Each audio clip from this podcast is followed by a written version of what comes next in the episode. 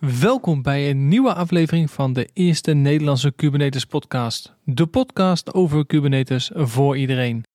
In deze podcastreeks gaan we in op de technieken en leuke onderwerpen rond Kubernetes. Wil je interactief met Kubernetes aan de slag? Ga dan naar k8spodcast.nl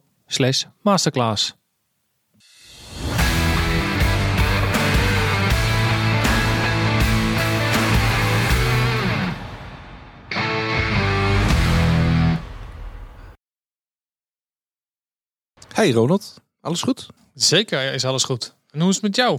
Ja, goed. Ik heb eh, een paar leuke dagen gehad. Jij ook? Zeker, super gezellig. Veel leuke mensen gesproken en gezien. Echt een, eh, je krijgt echt een community gevoel.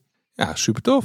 En eh, wat zijn dingen die jou het meest zijn bijgebleven tot Nou, nu toe? Dat is ontzettend veel. Ik heb, ik heb een hele berg leuke mensen gesproken. Bijvoorbeeld de mensen van Red Hat. Oké, vertel. Red Hat, en toevallig hebben we ook een gesprekje met Red Hat opgenomen.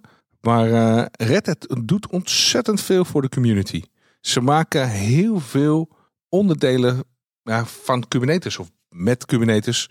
Ehm, ze, ze zijn de, de twee na grootste toevoeger van aanpassingen op Kubernetes. Oké, cool. En verder rest hebben ze natuurlijk ook eh, heel veel producten die gebaseerd zijn op Kubernetes. Ja, OpenShift. Dat is een mooi product. Oké. Ja, ik ken het zelf niet. Ik weet niet wat, eh, wat OpenShift verder inhoudt. Nou, OpenShift is de interpretatie van Red Hat eh, van Kubernetes. En dat is eigenlijk, ze hebben hun product er helemaal omheen gebouwd. Oké. Dus eh, verder eh, kwamen we nog voor mij een onbekend bedrijf tegen. Maar ik gebruik een tooling, denk ik wel, ja, zeker twee keer in de week. En dat is?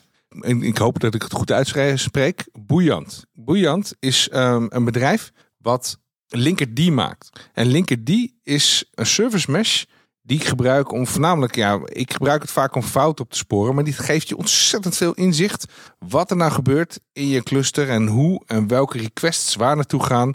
Ik vind het een fantastisch mooi product gemaakt. En ze hebben het zelf ook beter gemaakt. Ze, ze hebben een product gemaakt met veel meer inzicht. Oké.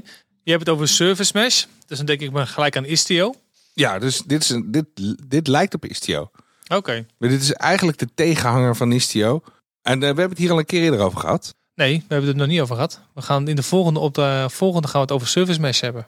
In de Oh. volgende aflevering. Oh, in de volgende aflevering. Ja, dat zeker. is super cool. Ja. Nou, over eh, een volgende aflevering eh, gesproken. Ehm, Elastic stond er ook. Elastic gebruiken wij de Elastic databases van heel veel in onze Kubernetes clusters. Ja, dit is gewoon een hele goede database om, hoe noem je dat? Om in te zoeken. Om in te zoeken. Je moest even naar de woorden zoeken, begrijp ik. Ja, nog steeds. nee, een, een fantastische, een fantastische software eh, gebruiken we ervan. En ook eh, voor logscraping gebruiken wij ook eh, software van Elastic. Ze hebben eh, open source tooling. En ja, ze stonden er ook een leuk gesprek mee gehad. Cool. Degene die ik zelf wel interessant vond was eh, Constellation. Dat is die partij die eh, encrypted eh, Kubernetes aanbiedt. Althans, zij hebben een, een VM die ze deployen met Kubernetes die volledig encrypted is. Ja, dat wordt veel voor eh, overheid gebruikt, hè? Ja, daar hadden ze het inderdaad. Of daar hadden ze het een beetje over overheid, omgevingen die en waar echt niemand bij mag komen. Ja, dat mag natuurlijk sowieso niet. Maar ze hebben er dus nog een extra laag omheen gebouwd. Waardoor het dus nog lastiger is om erbij te komen. Alleen ja, het draait dus wel in een VM. Dus het draait niet per... Ja, het is niet cloud native zoals AKS, maar ze kunnen het wel in de cloud draaien. Dus ze hebben echt een deployment gemaakt eh, die secure is en die ze ook updaten en waar ze volledig onderhoud op doen. Op doen. Ja, Ja, super cool. zeker. Super cool. Nou, wa- wat, wat het bedrijf ook wel een beetje, wat me een beetje verbaasde, ik wist helemaal niet dat het bedrijf eh, bestond, is EDB. EDB. EDB is Postgres in Kubernetes. Dus dat betekent, ik zeg heel vaak, je moet geen databases in Kubernetes doen. Hebben we het ook over gehad in de podcast inderdaad, ja. Want ja, die zijn stateful. Ontzettend stateful. Maar EDB, die hebben Kubernetes, nou, althans, die hebben Postgres in Kubernetes gestopt. Oké, nou, ik ben wel benieuwd hoe ze dat dan voor elkaar krijgen. Ja, nou, daarom hebben we ze, gaan we ze uitnodigen in de podcast. Dat ze precies kunnen uitleggen hoe ze dit gemaakt hebben. En waarom en waarom dit beter is volgens hun. Ja, ik ben wel ontzettend benieuwd. Ja, nee, zeker benieuwd. Het is natuurlijk wel een van de, me- van de grote vraagstukken, zeg maar, als je overgaat naar eh, Kubernetes. Wat doe je met je database? Ja, ik zeg altijd houd er buiten natuurlijk. Maar Ja, als hun een fantastische oplossing hebben. Dus wij gaan het vuur aan de schenen leggen, zeg maar. ja, precies. Dus uh, dat, is, dat, is, dat is heel leuk. En daarnaast gebruik ik ook nog wel heel vaak Cubescape. En Cubescape is een heel mooi open source security platform voor je pipelines en, en sowieso voor, voor Kubernetes. En uh, ze kunnen, Cubescape is super cool, maar het bedrijf erachter, dat heet Amro. En die uh, verkopen natuurlijk ook op basis van Cubescape een softwareproduct. En dat softwareproduct is net iets mooier nog. Tuurlijk, anders hebben ze niks te verkopen. maar die brengen heel mooi role-based access in kaart. En dat, dat is natuurlijk altijd wel een uitdaging. Dus een stukje role-based access is altijd wel complex en hoe je dat in elkaar zet.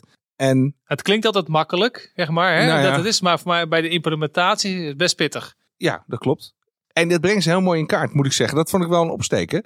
En de community manager, en dan moet ik het goed zeggen, Crackbox, die heeft bij Google gewerkt. Oké. En die deed altijd de Kubernetes podcast van Google. Nice. Dus uh, ik, ben, uh, ik probeer ermee in contact te komen. Misschien krijgen we hem ook nog hier uh, in de podcast. dat zou wel super lachen zijn, ja. Dat we hier in de Nederlandse Kubernetes podcast, zeg maar, de, de, persoon, de persoon waarschijnlijk krijgen vanuit de Google Kubernetes podcast. Ja. Dat zou wel lachen. Nou, super tof. Nou, en, en verder stonden er nog veel meer bedrijven. Maar dit vonden we wel de, de, de leukste bedrijven om te zien.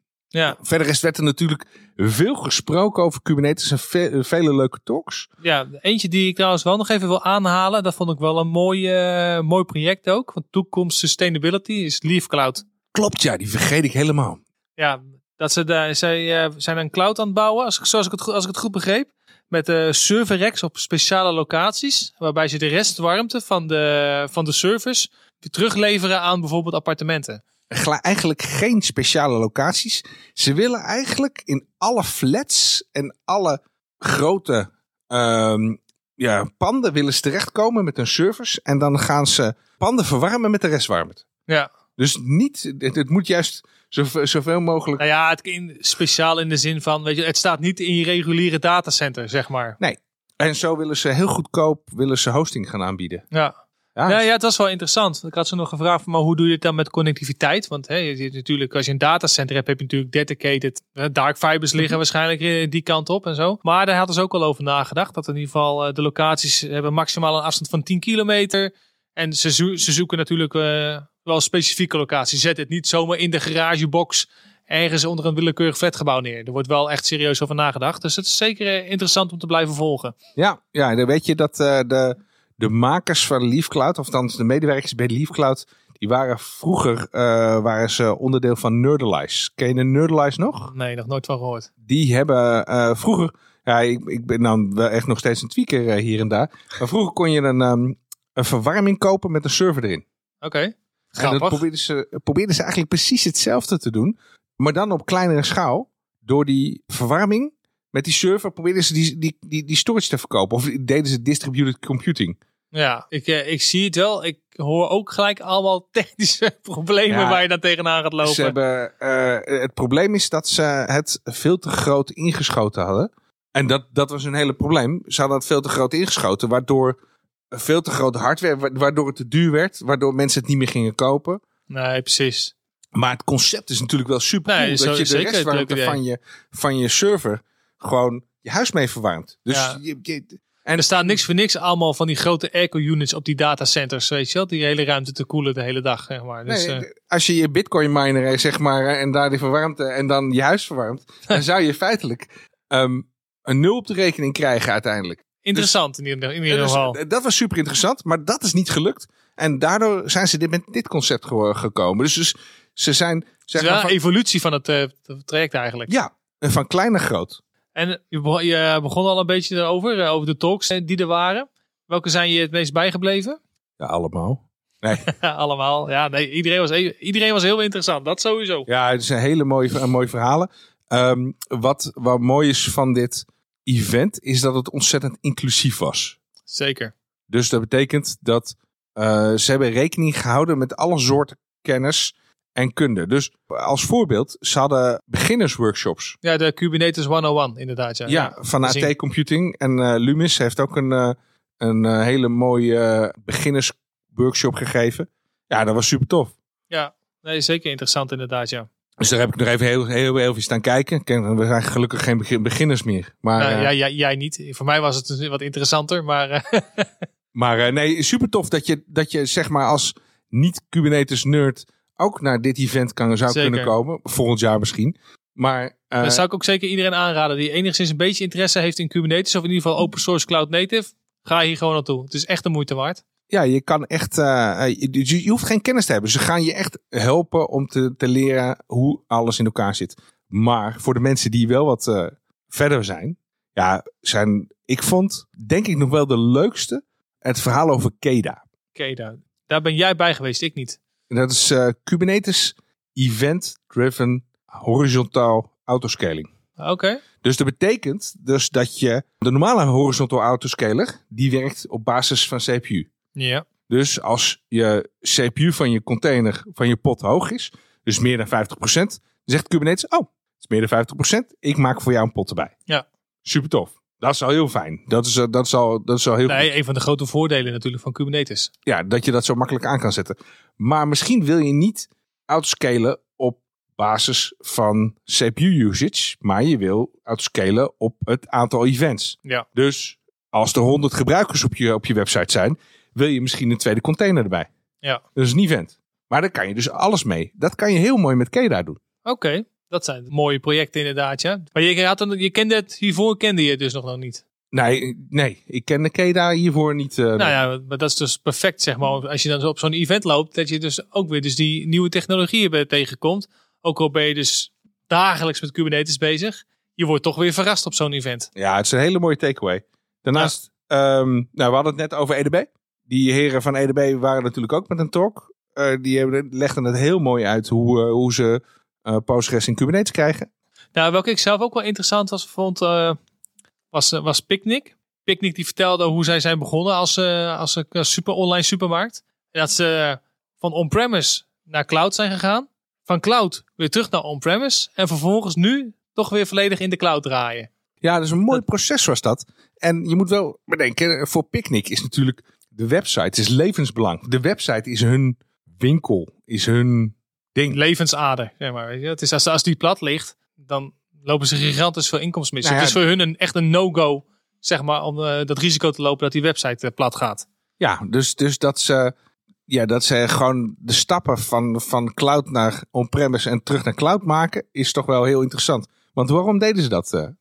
Nou, mij bijgebleven is dat voornamelijk over die schaalbaarheid waar ze tegenaan liepen. Die ze die on-premise niet helemaal eh, voor elkaar kregen. Nou, kijk, wat, wat het probleem was, is dat ze, het grootste probleem is dat het te weinig kennis was. Dus ze zijn super slim om zelf uit te zoeken, maar ze konden gewoon het aantal mensen niet erbij krijgen om te zorgen dat ze het konden eh, managen. Dus wat, wat hebben ze gezegd? Ja, schoenmaker blijft bij je leest. Wij kunnen heel goed software ontwikkelen, maar we willen de infrastructuur niet beheren. Nee. Dus hebben ze, eh, hebben ze gezegd, zo nou, dan brengen we toch alles terug weer naar de cloud. Dan hebben wij, zeg maar, de overhead er niet over. Dan hebben we dus minder mensen nodig en we doen wat outsourcen.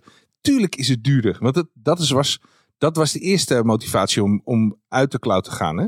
Ja, nee, dat klopt. Ja. Maar dat hoor je, hebben we veel gehoord hè? op eh, het event ook. Dat veel bedrijven zeggen van ja, we zitten in de cloud.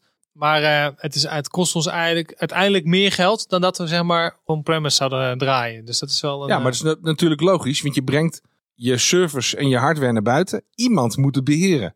eh, iemand moet het beheren. Dus of het nou Azure is of, of Google of iemand anders. Ja, iemand moet het beheren.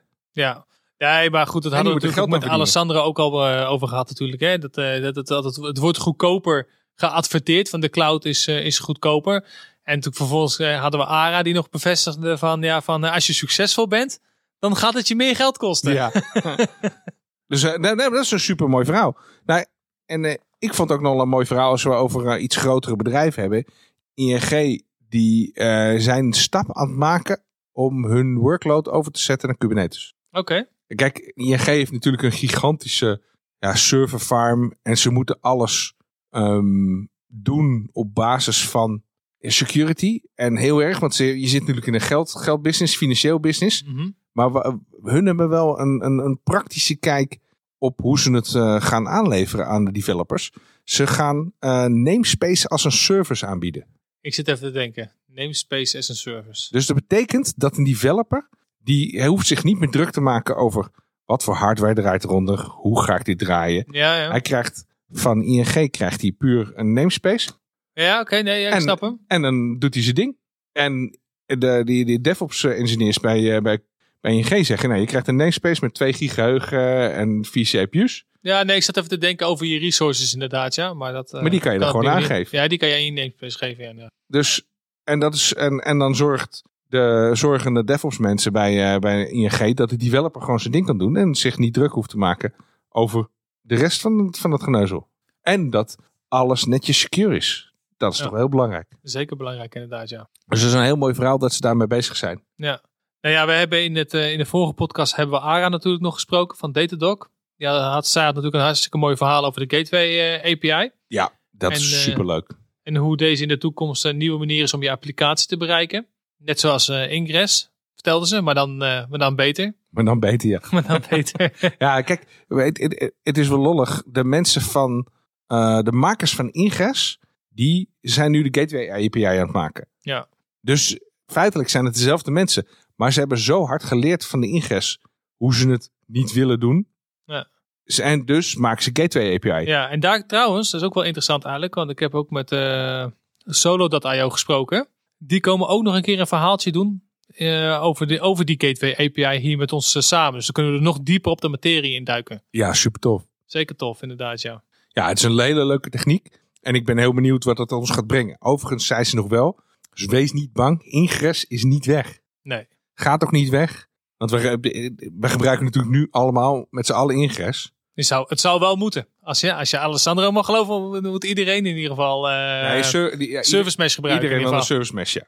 Ja, precies. Nou, dan eh, eh, zag ik nog eh, een, een verhaal over GitOps. Oké, GitOps. GitOps is een ehm, andere manier van je software deployen. Dus dat betekent dat je Kubernetes cluster opeens de software gaat halen in plaats van dat je het naar brengt. Als je het brengt, oké. dus eh, als je een, een, een eh, traditionele pipeline hebt, Ja. dan, zeg maar, dan ga je software bouwen.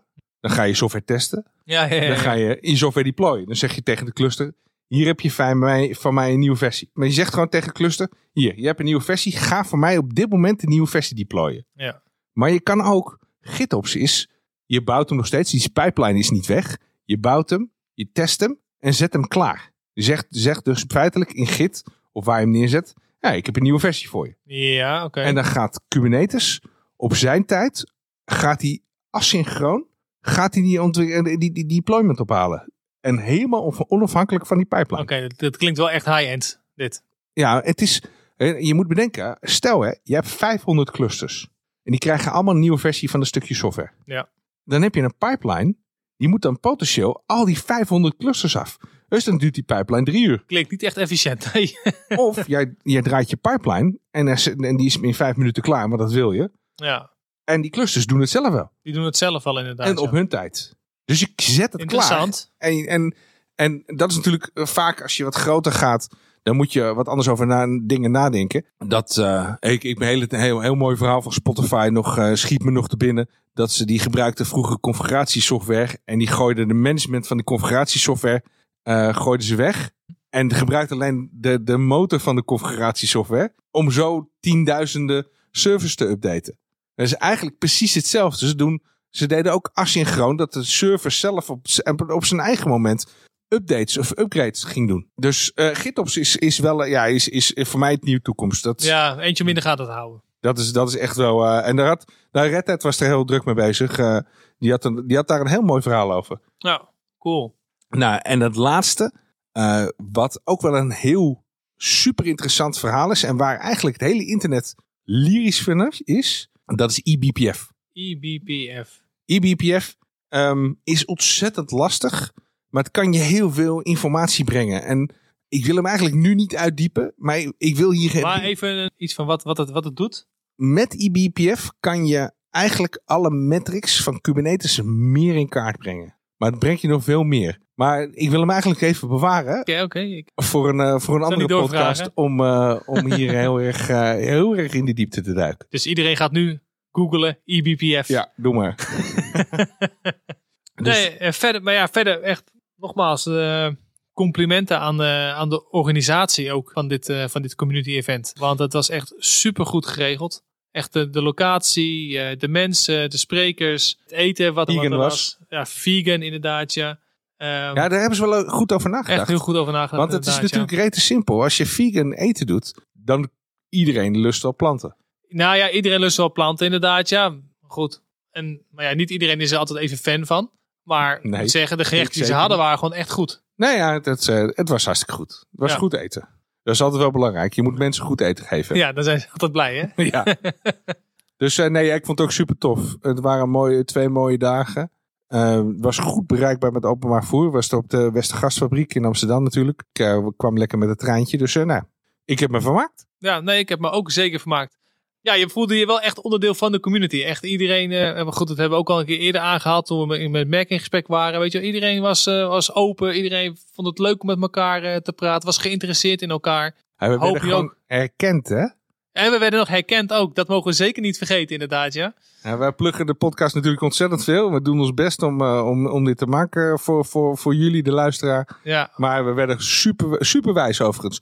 Mocht je overigens opmerkingen of iets anders, dan zijn we altijd open en bereid om, eh, om te luisteren. stuur ons gerust een mailtje of via de social media kanalen. Geen probleem. Feedback is altijd welkom. Dus eh, nou ja, dankjewel Ronald eh, voor deze leuke beschrijving van community, Kubernetes Community Days. Kubernetes Community Days. Yes. En het was eh super gezellig om samen met jou, Jan, op dat event te zijn. En ik hoop dat we dat vaker kunnen doen. Vast wel. Oké dan. Tot de volgende keer. Tot de volgende keer. ACC ICT is specialist in IT-continuïteit. Bij ACC ICT staat alles in het teken van continuïteit waarborgen voor bedrijfkritische applicaties. Of het nu gaat over Managed OTAP, Cloud en Kubernetes, ze geven hier invulling aan om door samen met hun klanten een toekomstbestendige strategie uit te stippelen voor het gehele proces van ontwikkelen tot en met productie.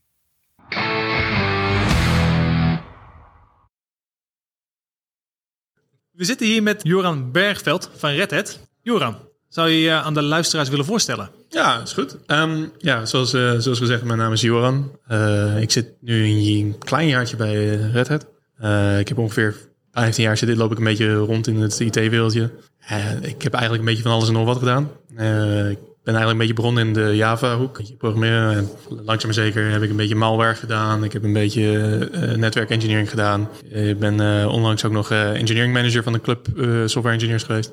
En eh, ja, sinds iets minder dan een jaar eh, zit ik nu bij Red Hat. Oké. En hoe, hoe ben je zo bij Red Hat aan uitgekomen? Ja, via via eigenlijk. Ehm, een eh, oude collega eh, bij mijn vorige bedrijf, eh, die, die is naar Red Hat gegaan. En toen ben ik hem eigenlijk achteraan gegaan. Oké.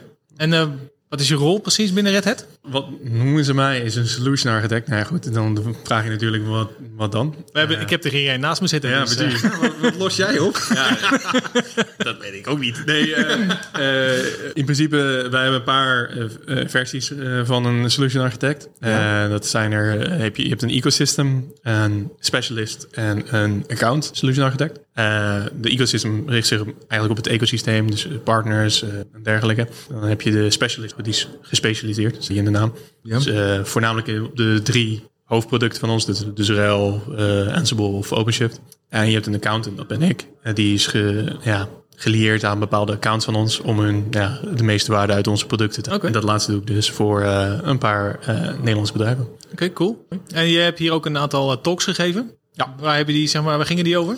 Eh Stackrocks heb ik er voornamelijk over gesproken. Dus dat is eh, een, een security ja, platform. Waardoor je, Je krijgt er applaus voor, zo te horen. Ja, ja. nee, ehm, eh, het is eigenlijk om, om je hele Kubernetes inzichtelijk te houden. Van, van build, deploy en runtime. eh, en dan de security daarvan inzichtelijk te maken. Maar ook je ja, handvaten te geven om security een beetje leuk te maken voor de developers en de operations. Eh, Is, die, is dat dan Haven compliant? Zeker. Het heeft allerlei uh, compliancy suites. uh, van NIST tot nog, wel, nog wat. Uh, dus daar kan je inderdaad op scannen. Absoluut. Oké. Ja, cool. Uh, je kan ervoor kiezen van, joh, En laat je het maar alleen weten als er een violation is? Of ga je het ook echt enforcen? Dus dan kom je bijvoorbeeld de pipeline niet. Oh, en en is dat een soort van... Want je hebt nu Trivi en je hebt Falco en eh, je hebt eh, nog heel veel meer andere tools. Maar je moet, moet het vergelijken met een soort van Trivi? Ja, korter de bocht. Een platform wat, wat je op elke fase in je, in je container journey zou kunnen supporten. Eh, maar dan wel binnen Kubernetes. Oh ja, tof. En eh, kijk, je werkt natuurlijk voor Red Hat. Ja. En ehm, wat doet Red Hat dan met Kubernetes? Ja, geen idee, joh. Wat doen we? ja, eh, wat veel mensen denken bij Kubernetes is eigenlijk het komt van Google af. En dat is zeker waar. Google heeft eh, initieel geopen source, maar dat wel met onze hulp. Ja. Eh, en wat je nu een beetje ziet is dat ehm, als je naar de commits kijkt, ik weet niet dat dat misschien niet de beste metric is, het is een indicatieve metric, is dat de commits in Kubernetes toch wel eh, voornamelijk van ons uitkomen. Dus eh, wij zijn best wel een driving force in meer dan de helft subprojecten van eh, Kubernetes. Maar wat wij ook zien is dat eigenlijk de commits afnemen Kubernetes zelf. En het gaat steeds meer naar het, dus naar het CNCF Ja. landscape. Ehm, je ziet die verschuiving heel erg naar, naar ja, Kubernetes, de core, redelijk stabiel. Redelijk wat het zou moeten doen. Oké, maar nu al die dingen die erbij komen, die, die je eigenlijk zou moeten hebben om die business succesvol te uh, En daar zijn we ook mee bezig. Ja, dat is wel heel mooi voor de community. En ook voor ons allemaal. Ja, dat is in ieder geval wel de mindset. Eh, ik ben dus sinds kort bij, eh, bij Reddit. En wat bij mij eigenlijk voor het eerst voorbij kwam, is, is de hele open mentaliteit. Bij, intern, dus open naar elkaar, maar ook open naar de wereld. We hebben laatst eh, we sales kick-off. Dan hebben we ook gewoon partners en mensen meegenomen. Het is niet een Red Hat feestje, het is een ecosystem. Ja, want in de, in de, in de Linux-wereld zien we Red Hat natuurlijk al als een, als een vreemde eend, zeg maar. Eh, het bedrijf wat, wat wel geld verdient, gelukkig. En, eh, ehm, en ik, had het, ik had het straks met je collega er ook nog over. Er wordt natuurlijk heel veel... eh, we zien, ik zie, laat ik zo zeggen, bij mijn klanten veel minder Red Hat geïnstalleerd worden dan eh, Ubuntu of een Debian. Ja, dat, dat, neemt ook wel af. Eh, al moet ik zeggen, niet zo heel erg sterk. Eh, als je kijkt naar de hele wereld, ik weet niet wat het exacte percentage is hoor, maar van eh, het 40 tot 50 procent van de Linux install base is Red Hat Enterprise Linux. Maar ja, je ziet de wereld wel echt verschuiven, VM'tjes naar containers. Ja, En daar, maar eh, toch ook, want als je kijkt eh, in Azure en ook, eh, volgens mij Google ook, gebruiken ze Ubuntu als basis voor Kubernetes. Klopt. Maar als je bijvoorbeeld naar AWS kijkt, dan heb je AWS Linux en dat Ja, dat is een draak. Nou ja, ja. Oeh, dat, dat doet pijn, want eigenlijk is dat rel. Ja, dat is een kwestie van, van wel. Eh, dus, eh, nee, het, eh, het is er stiekem er- overal en nergens nog steeds. Ehm, Ja. eh, ook als je kijkt naar OpenShift, daar zit ook RHEL of CoreOS onder. ja, maar OpenShift is natuurlijk jullie product. Ik ga ervan uit dat, dat je dan Fair enough, fair enough. Ja. dat je, dat je eigen, eigen software onder je eigen product stopt. Dat is waar, dat is waar. Dat hoop ik, laat ik zo zeggen. Nou ja, is wat makkelijker. Dan heb je er wat meer controle over. Ja. dat is logisch. Ja. Ja. En eh, je noemt net OpenShift. Dat is, dat is jullie Kubernetes versie natuurlijk. En eh, ehm, wordt het veel gebruikt bij klanten? Welke klanten hebben jullie voornamelijk? Ah, kijk, weer uh, Ja, OpenShift, hè, daar krijgen we eh, applaus OpenShift, voor. OpenShift, hoppa. Ehm, nee, ja, joh, heel erg gevarieerd. Er zijn echt heel veel klanten. Ik hoorde je daarnet spreken over de NS. Nou, dus, daar is ook OpenShift. Ja. bij Schiphol. Dat is denk ik wel een van onze ja, meest publieke eh, re- reference cases. eh, is ook OpenShift. Ehm, En, en, en, en hoe zit dat bij Schiphol? Eh, even voor onze beeldvorming. Eh, toevallig hadden je collega's het er net over. Maar Schiphol, wat voor systeem draaien, draaien ze dan op, op Kubernetes? Nou, ik, ik noem OpenShift ook Kubernetes, maar dat is meer mijn... langzaam maar zeker is het wel een doelplatform voor Schiphol. Dus je ziet dat langzaam maar zeker wel dingen daarheen verplaatsen. Dus ook echt steeds meer gaan gebruiken. dus ook alle reisinformatie en alles. eh, Ja, ja. ja, super tof wel. ja. Ja, bij de NS dus ook hetzelfde. Eh, Ja. Dat soort eh, informatie dit draait daar uiteindelijk ook op, op Kubernetes. Ja. ja. Hey, en, ehm, en je zei, hoe, hoe lang ben jij zelf al eh, geïnteresseerd in Kubernetes? En kom eigenlijk vanuit de microservices eh, mentaliteit. Dus niet echt vanuit de, de waar draait het op, maar meer eh, van joh, hoe kijk ik naar mijn applicaties. Dus ik ben eigenlijk een beetje begonnen met eh, de Netflix stack. Dus denk aan eh, aan, aan Ribbon, Eureka, dat soort zaken. Ehm, en gaandeweg dacht ik, oh ja, maar daar heb je ook een platform nodig. Dus ik, ja. ik weet nog, een installatie heeft een 1.8, geloof ik. Die kant op. Dus sinds, de, sinds die Ja, we zitten nu op 1,26. Dus dat is Even snel uitrekenen, elk half jaar is eh, drie jaar geleden. Drie jaar geleden? Ja, ja, dat weet ik niet. Dus, Ongeveer. Het voelt, het voelt als langer. Het voelt als langer. Oh, is het zo erg? Ja, het- nou, nou nee. Eh, maar is het, is het echt een jaar Nee, geleden? nee, v- vier jaar geleden. Eh, Ik zit, ik zit heel, heel hard op te rekenen. Ja, maakt niet uit. In ieder geval, ehm, nee, mooi. En ehm, als je dan eh, terugkijkt in die, in die tijd dat je al Kubernetes hebt gedaan, wat is dan het mooiste project wat je hebt mogen doen eh, binnen Kubernetes landschap? Ehm, nou ja, goed. eh, Wat ik in mijn introductie ook een beetje vertelde. Ik, heb ook een beetje malware gedaan. Ik, vind, eh, ik heb toch een zwakke plek voor security. Ehm, Ja. En de- wat ik hier dus ook vertelde over Stackroaks. eh, Dat is voor mij wel een van mijn favoriete projecten. Waar ik, waar ik mee werk. Waar ik ook een beetje mee bezig ben af en toe. Dus ik zou die dan als nummer één. En wat ik het mooie erachter vind. Dan je vraagt van ja, wat is het mooiste? Ja. Eh, de, voor mij is dat echt dat, ehm, dat het security ook weer een beetje leuk. De- Ja. eh, security is altijd, eh, ja, weet je, oh, daar heb je security weer. Eh, eigenlijk zou ik het liefste een wereld zien waar dat een beetje eruit getrokken wordt. En dat het gewoon, ja, voor een developer leuk is.